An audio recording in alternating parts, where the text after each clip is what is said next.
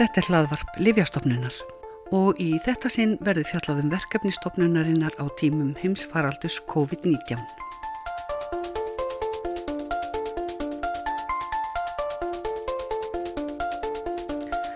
Á tímum heimsfaraldus COVID-19 hafa mörg fyrirtæki og stofnani þurft að takast á við óvænt verkefni og oft á tíðum miklar áskoranir.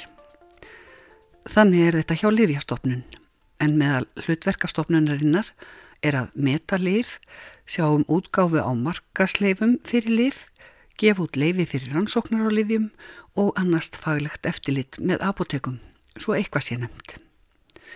Og augljóslega margt sem fær aukið vægi í starfseminni þegar heims farsótt geysar, auk nýra og óvæntra verkefna.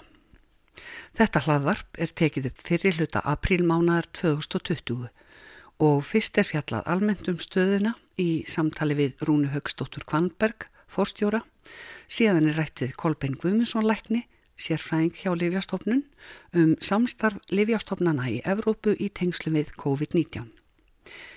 Og rétt er að gera grein fyrir því að þetta er tekið upp með fjarskiptatækni á tímum samkomubans og tilmælum um tveggja metra bíl millir manna. Byrjum á að tala almennt um starfsemi okkar einlifjastofnunar á þessum krefjandi tímum.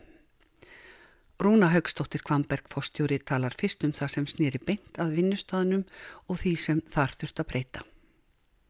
Fyrsta sem við náttúrulega horfum á var að, að horfa alltaf inn á við og sjá hvernig við getum uh, tryggt bara öryggi starfsmanna okkar og, og við vorum mjög snemma í því að fara í fjárvinnu. Uh, ég held að það hefur verið bara 9. til 10. mass uh, og við gerðum þetta í nokkrum skrefum og það var þess að minka smitt hættu og gera fólk útsett fyrir því og, og við erum sem betur fyrir mikið af því sem við gerum getum við unnið í, í fjárvinnu og, og eins og ég sagði þetta var unnið í skrefum og, og við lókuðum mötuneytinu, skiptum upp starfseminni, fólk var heima að vinna og, og tölvu vættist uh, hratt og öruglega og svo lókuðum við móttökunu og gerðum, ég held að verið síðasta í þessu var sem sagt að undanþálifsæðar eruðu rafrænir. Það þýtti sem sagt að ekki var lengur tekið við undanþáu lífsæðlum í móttöku Livjastofnunar. Þetta tók gildi 1. apríl. En síðan það sem snýri meirað verkefnum stopnunarinnar og breyttri forgangsröðun. Annað kannski að við breyttum forgangsröðun í kjarnastarseminni þannig að allt sem eh, snýri að COVID eh, hefði algjörðan forgang hjá stopnunni og eins og þú komst inn á að kjarnastarseminni stopnunni er ju að gefa út markasleif og hafa eftirlit og með öllu því sem snýrað livjum í, í landinu og einnig lakningatækjum en kannski það var svona ímislegt sem fór fremst hjá okkur í, í strætónu sem maður getur kannski sagt og það voru að tryggja livja byrðir væri nægar í landinu og það fóru að vinna hratt og öruglega eh, með heildsölunum í, í landinu og það er mikla þakkirskildar hvernig þær hafa uh, staðið að því því það er mjög mikilvægt að eitt er að það séu til lif fyrir, fyrir spítalan og þegar fólk þarf að leggjast inn á gjörgjöslu og annað er líka bara það að það séu til lif fyrir almenningi landinu því allar samgöngur uh, eins og fólk hefur síðan séð uh, gengur meira minna úr skaftinu að miklu leiti til og, og ríki fór að loka landamærum og, og slíkus og þetta voru kannski helstu áskorunar að bara tryggja að hér er því aðgengi að livjum eins og bara uh, almennt er. Og þá þurftum við náttúrulega að fara í svona ákvæmna takmarkanir og, og beina því til apoteka og, og almennings að vera ekki að hamstra líf því að það, það var einn nóalifjum fyrir alla. Eh, það var sem sagt farið í að, að reyna að auka livjabyrðir í landinu?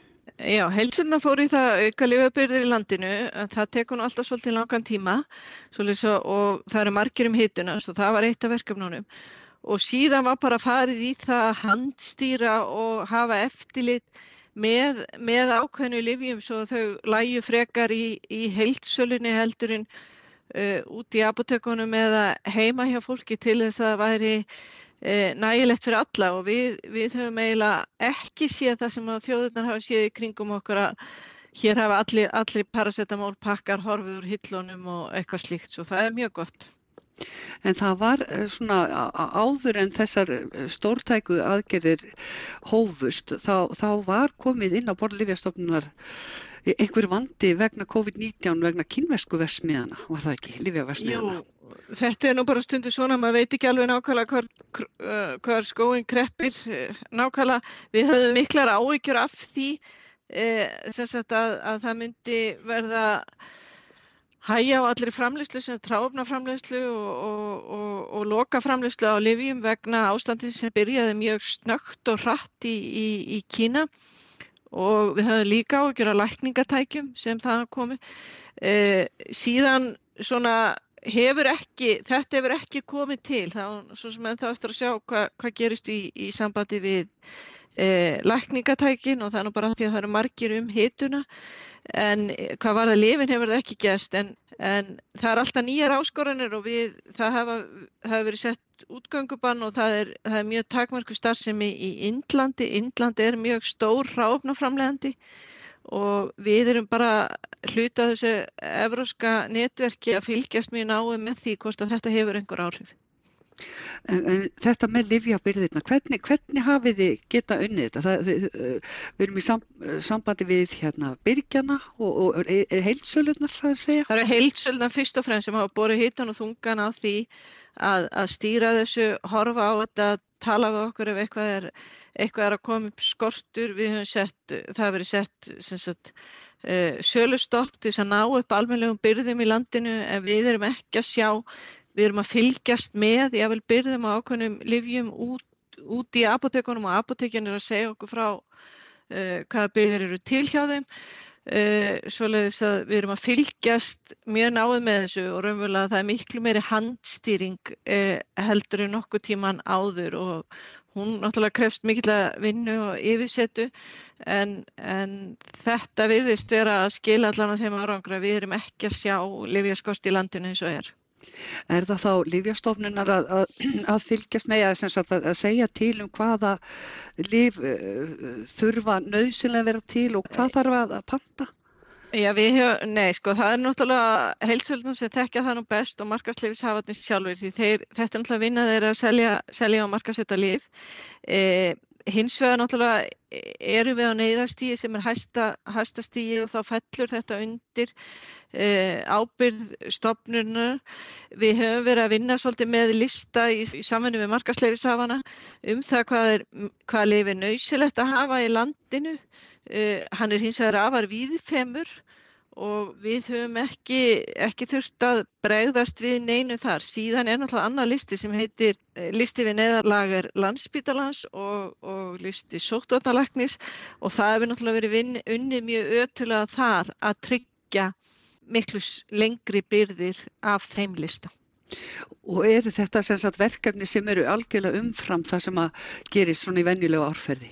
Já, það er það. Og svo höfum við líka verið að horfa á það að, að allt sem snýrað COVID eh, í sambandi við mögulegar eh, flítiskráningar á livjum, eh, innflutning á livjum, mögulegar klíniska rannsóknir og það er sett í algjöran forgang og einni við verið, erum við náttúrulega hlutað þessu euróska netverki og þeirra spámerjarnir þurfa sagt, hröð handtök frá okkur varðandi skráningu sem, skráningaferðla sem við erum hlutað þá, þá hefur þetta algjöran forgang og, og við höfum komið að því.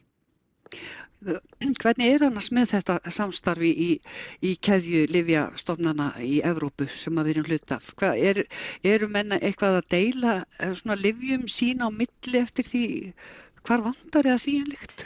Um, við erum fyrst og fremst að horfa á það að Evróska livjastofnanar hafi góða yfirsýn yfir hvort það vantar lif einhver staðar. Við höfum hins vegar síðan unni mjög náið með Norðurlandaþjóðunum um það að það gangi auðveldar að, að flytja lif. Stundu þarf einhver, er einhverja takmarkanir og þá voru menn að sjá til þess að þeir hafi nægt makk fyrir sín eigi markat og, og þá höfum við fórstjórnir unni að því að láta þetta flæða vel á milli og þetta hefur virkað að báða við og þetta koma langt flestu lifin okkar frá Norðurlöndunum, stærstu hluta til frá, frá Danmark og síðan Nóri og Svíþjóð og við höfum einni heimilað útflutning hér á ákveðinu lifjum uh, til þess að mæta Norðurlandamarkaði.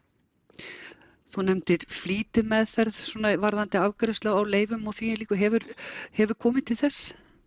Eh, það verður ekki mikið reynd á það. Eh, svo ég segi nú bara alveg, það er umverulega ekki og það, það er náttúrulega bara hluta til að því að við búum það vel að byrðirnar á þeim livjum sem eru skráð hér og hafa markasleifi og eru á markaði.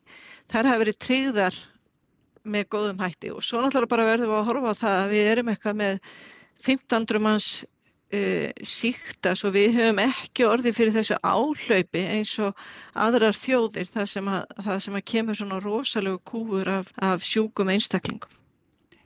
Þannig að þetta hefur ekki orðið til þess að valda að livjaskorti allavega hinga til? Nei, við höfum ekki séð það. Við eigum náttúrulega, við þurfum bara, það er bara mjög mikilvægt að, að, að tap ekki, ekki aðteklinni og, og, og halda þetta svolítið út og við erum að horfa á núna kannski þingstu vikurnar uh, framöndan, næstu tvær vikur, kannski fyrir heilbríðskerfið. Einmitt.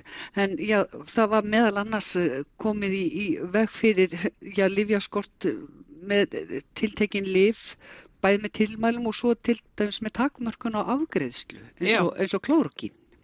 Já, plakinil, það er, er 30 daga og þar er við fyrst og fremst að horfa til þess að tryggja þá sjúklinga sem eru á lifinu vegna skráðra ábendinga sem eru fyrst og fremst skikta sjúklingar að þeir hafi greiðan aðgang að því en það séu líka nægilega byrðir í landinu til þess að bregðast við sagt, nótkun í COVID-19 sem er samt utan ábendinga og þá ábyrð eh, smittsjúkdómalæknana á landsbytalan.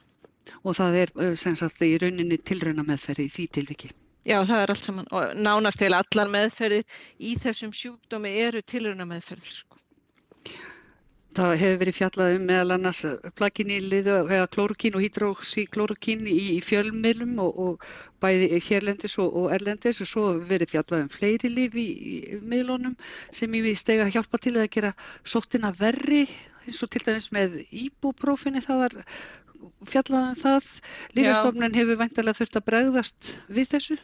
Já, við, við höfum tölverðar ágjör að því að fólk myndi mögulega bara hætta, þeir sem þýrtu á íbáfennu halda myndi að hætta á livjónum eh, það er ekkert sem bendir til þess að þetta gerir sóttina verri, það breytir því ekki að sko, fyrsta vali hittalækkun og við svona sjúkdómi eða svona bara veirusíkingu sem fólk færi er náttúrulega paracetamál en, en það er ekkert sem bendir til þess að, að, að íbáfenn sé eitthvað, sé eitthvað verra eða gerir sjúkdómi verri Eru takmarkarnir í, í sölu til dæmis uh, paracetamóls?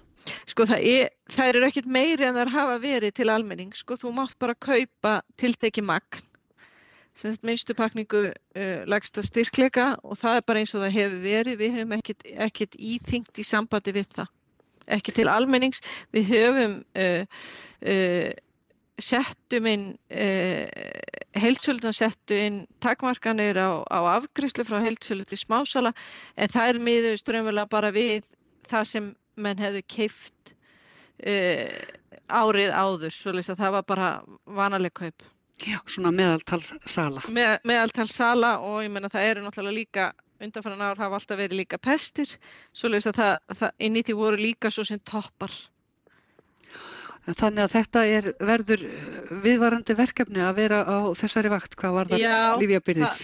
Já, það er náttúrulega bara er mikilvægt að reyna að vera svolítið á tánum og svo hefur við náttúrulega ekki verið að horfa til þess að, að það er náttúrulega mjög mikilvægt að starfsmenn apoteka og ekki eitthvað síst starfsmenn heilsölunar uh, fari valli og það er búið að setja þar upp alls konar sótvarnir þegar það var skipt upp starfseminni sinni í lítil hólf, fólk er að vinna á vöktum, hittist ekki og slíkt og þetta eru bara svona almenna sóttvarnir þetta hefur náttúrulega líka verið mjög krefjandi mest náttúrulega fyrir þá og við erum reynd að koma þessu sem leiðbyrnandi aðila og haft milligöngu á milli þessara aðila og, og sóttvarnarlegnis.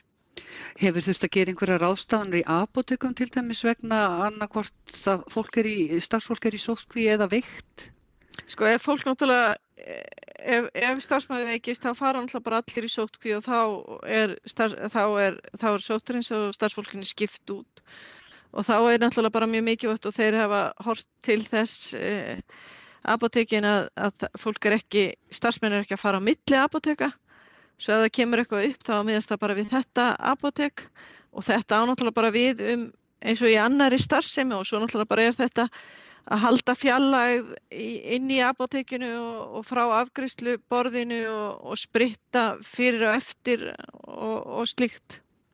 Bara þessar almennu Þessar almennu reglur, já, nema það er alltaf bara mjög mikilvægt að við hafa það sérstaklega í livjabúðum því það er náttúrulega fólk kannski oft lasi fólk að koma og ná í lifin sín eða eitthvað slíkt og, og, og þá er bara mjög mikilvægt fyrir utan að, að þetta eru þeirra aðalega sem eru undathegni í samkominnbanninu á samt maturuvöslunum og þá er bara mikilvægt að, að, að passa upp á þess að fjalla á milli fólks. Og þetta er eins og málinn virðist blasa við núna að þetta er verkefni sem verður krefjandi fyrir lífjastofnu, jável einhverja mánuði, vikur að minnstugusti. Já, við erum allavega að horfa út, út af apríl og eitthvað fram í mæ allavega erum við að sjá og svo, svo verða alltaf einhver, svo erum við bara eftir að sjá hver, hver verða eftir köstin og það er kannski einna helst þá bara í frambáði lifja frá Índlandi eða hvort að verða einhver, einhver áhrif í sambandi við skráningar eða hægir á einhver öðru sko.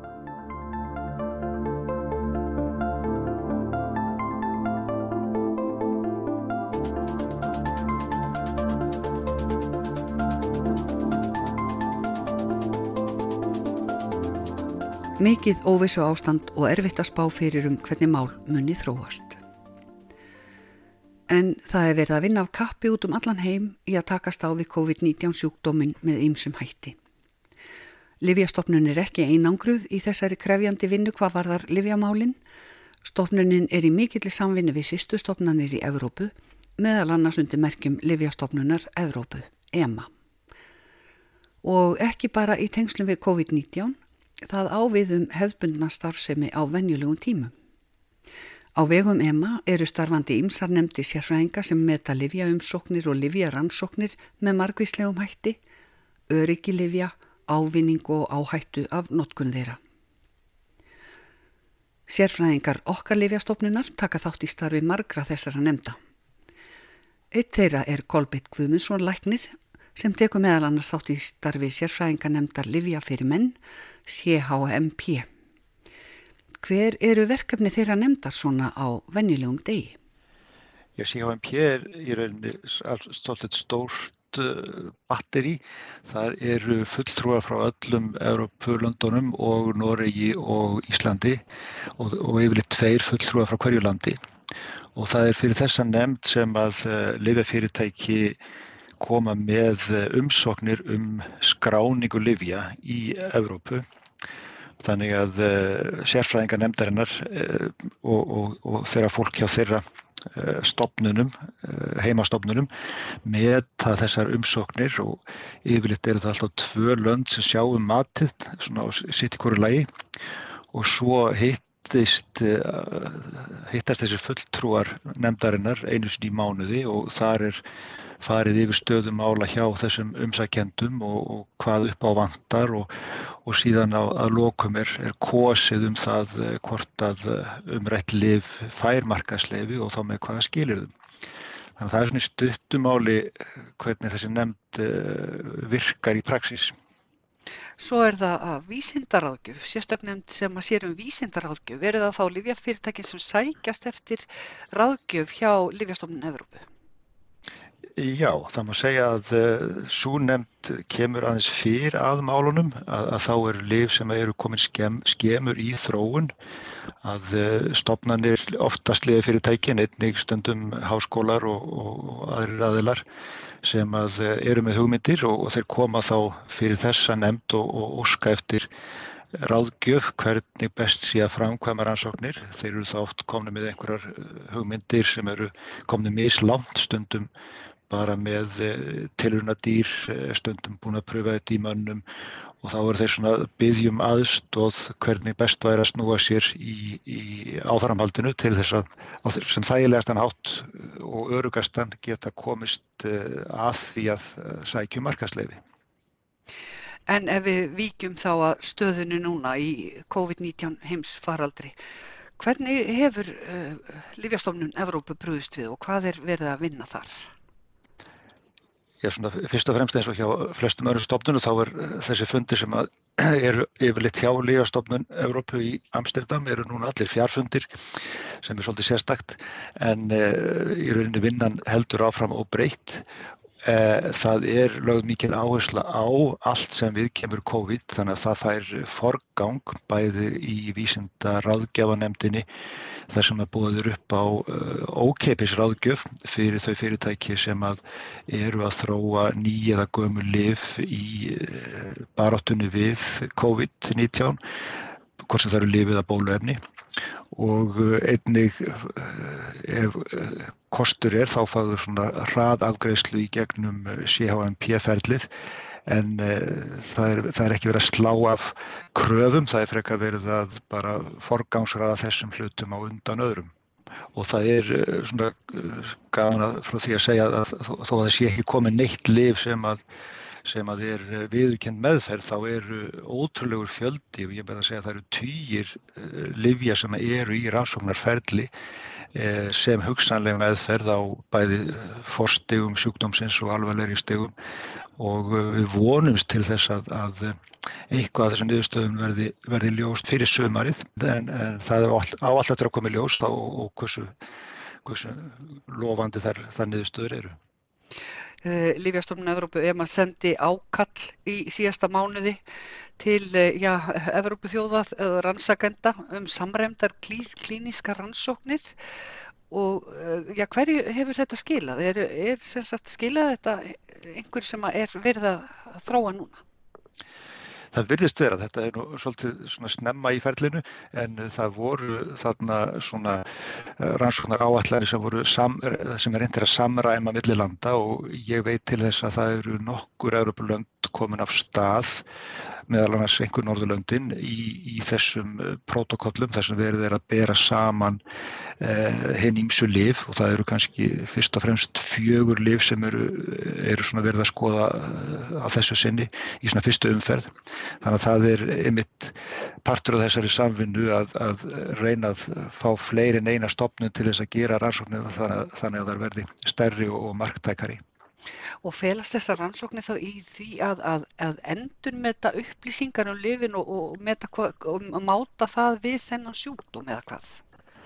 Það er bara mjög misjamt. Þetta eru, náttúrulega, það er engin að fara að búa til eitthvað sérstakt COVID-liv 1, 2 og 3. Þetta eru yfirleitt liv sem hafa verið notuð í svipuðum ábendingum, þetta eru liv sem hafa verið notuð í ebola faraldrinum, þetta eru sumt af þessu rannsóknar liv sem hafa aldrei verið á markaði og uh, sumt eru liv sem eru, eru á markaði og verið notuð í öðrum tilgangi, til dæmis við HVF eða, eða influensu og, uh, og það, í þeim tilvillum myndi náttúrulega ábending þeirra liv ég geta breyst ef að, að niðurstöður hérna leifa já, hvað á þetta sammeilegt sem nefnir í ebola, influensa, HIV?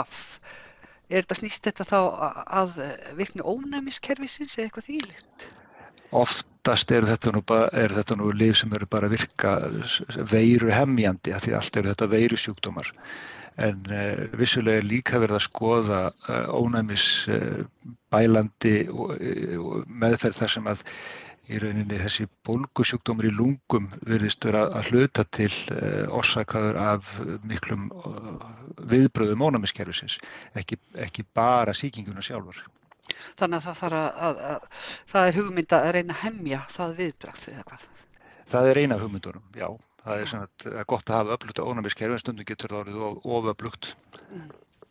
Eh, það var líka talað um og kallað eftir eða sagt frá alþjóðlegri samvinnu um rannsóknur á bóluefnu og þar var Lífjastofnun Evrópu og, og bandaríska Lífjastofnun meðal hans í fórsvari. Er eitthvað á ferðinni þar? Ég það má segja að það sé svona áleikar langur listi ef ekki lengri af bóluefnum og, og það er eins og þú segir það er bæri evróska bandaríska og svo er það hérna, heims heilsusamtökin eða WHO sem að koma yfirleitt að, að þessu. Þannig að það er verið að setja mikið púður í, í slíka, slíka þróun. Eh, það verður að segjast að eh, þar eru maður svolítið að byrja frá grunni. Eh, í livjageiranum eru maður að nota svolítið endur nýta gömulif að sumuleiti en í bóluefnabransanum eru maður svolítið að byrja bara á, á byrjunapunkti þannig að það er gert er áfyrir að það taki, taki lengri tíma að þróa bóluefni en, en svona björtustu vonir kannski innan ás myndum að segja. Já, það er ekkert fyrir en það. Það er mjög ólíklegt, það er, alltaf, það er alveg hægt að vona það en, en það, er svona, það, er, það er ekki mjög líklegt.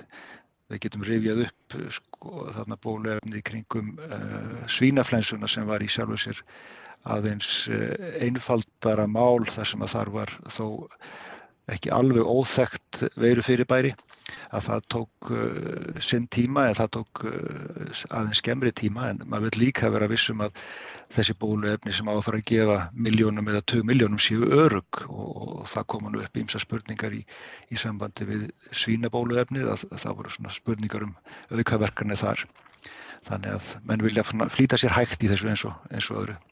Þetta einfallega tekur tíma að, að rannsaka þetta með öryggið og virknina.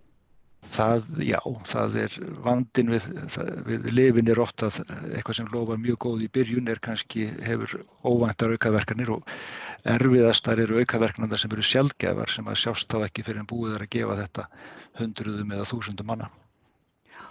En svo hefur uh, Lífjastofna Evrópu líka brúðist við svona almennri umræðu og séð ástæðu til að, að veita upplýsingar um ímislegt um sem að tengja svona almennri umræðu líf sem fullirt er að gagnist í sjúkdónum eða, eða gera hann verri.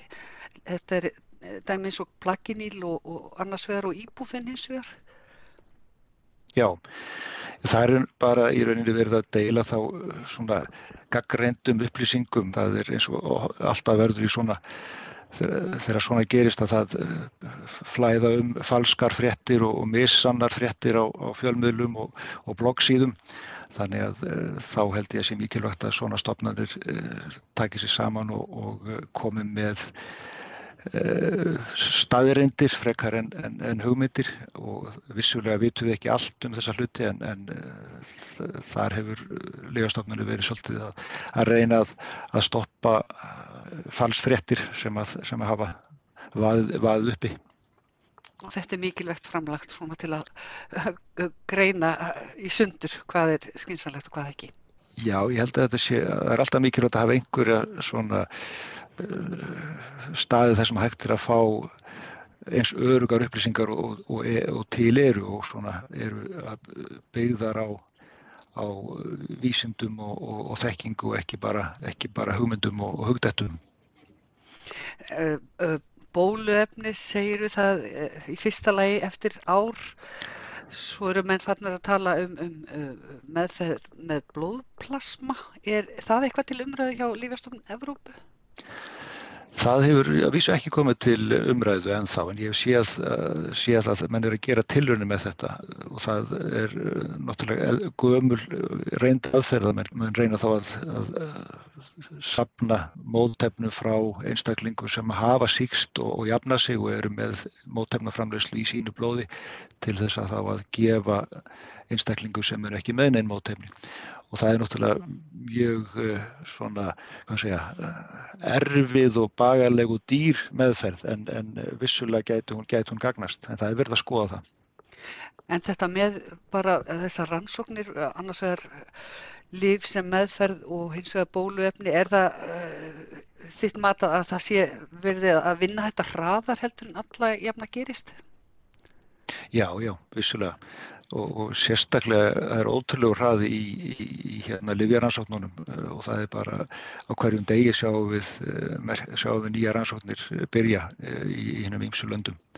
Þannig að þar held ég að við förum að sjá niðurstöður bara alveg á næstu örfá mánuðum og, og vonandi verður eitthvað notægt af því.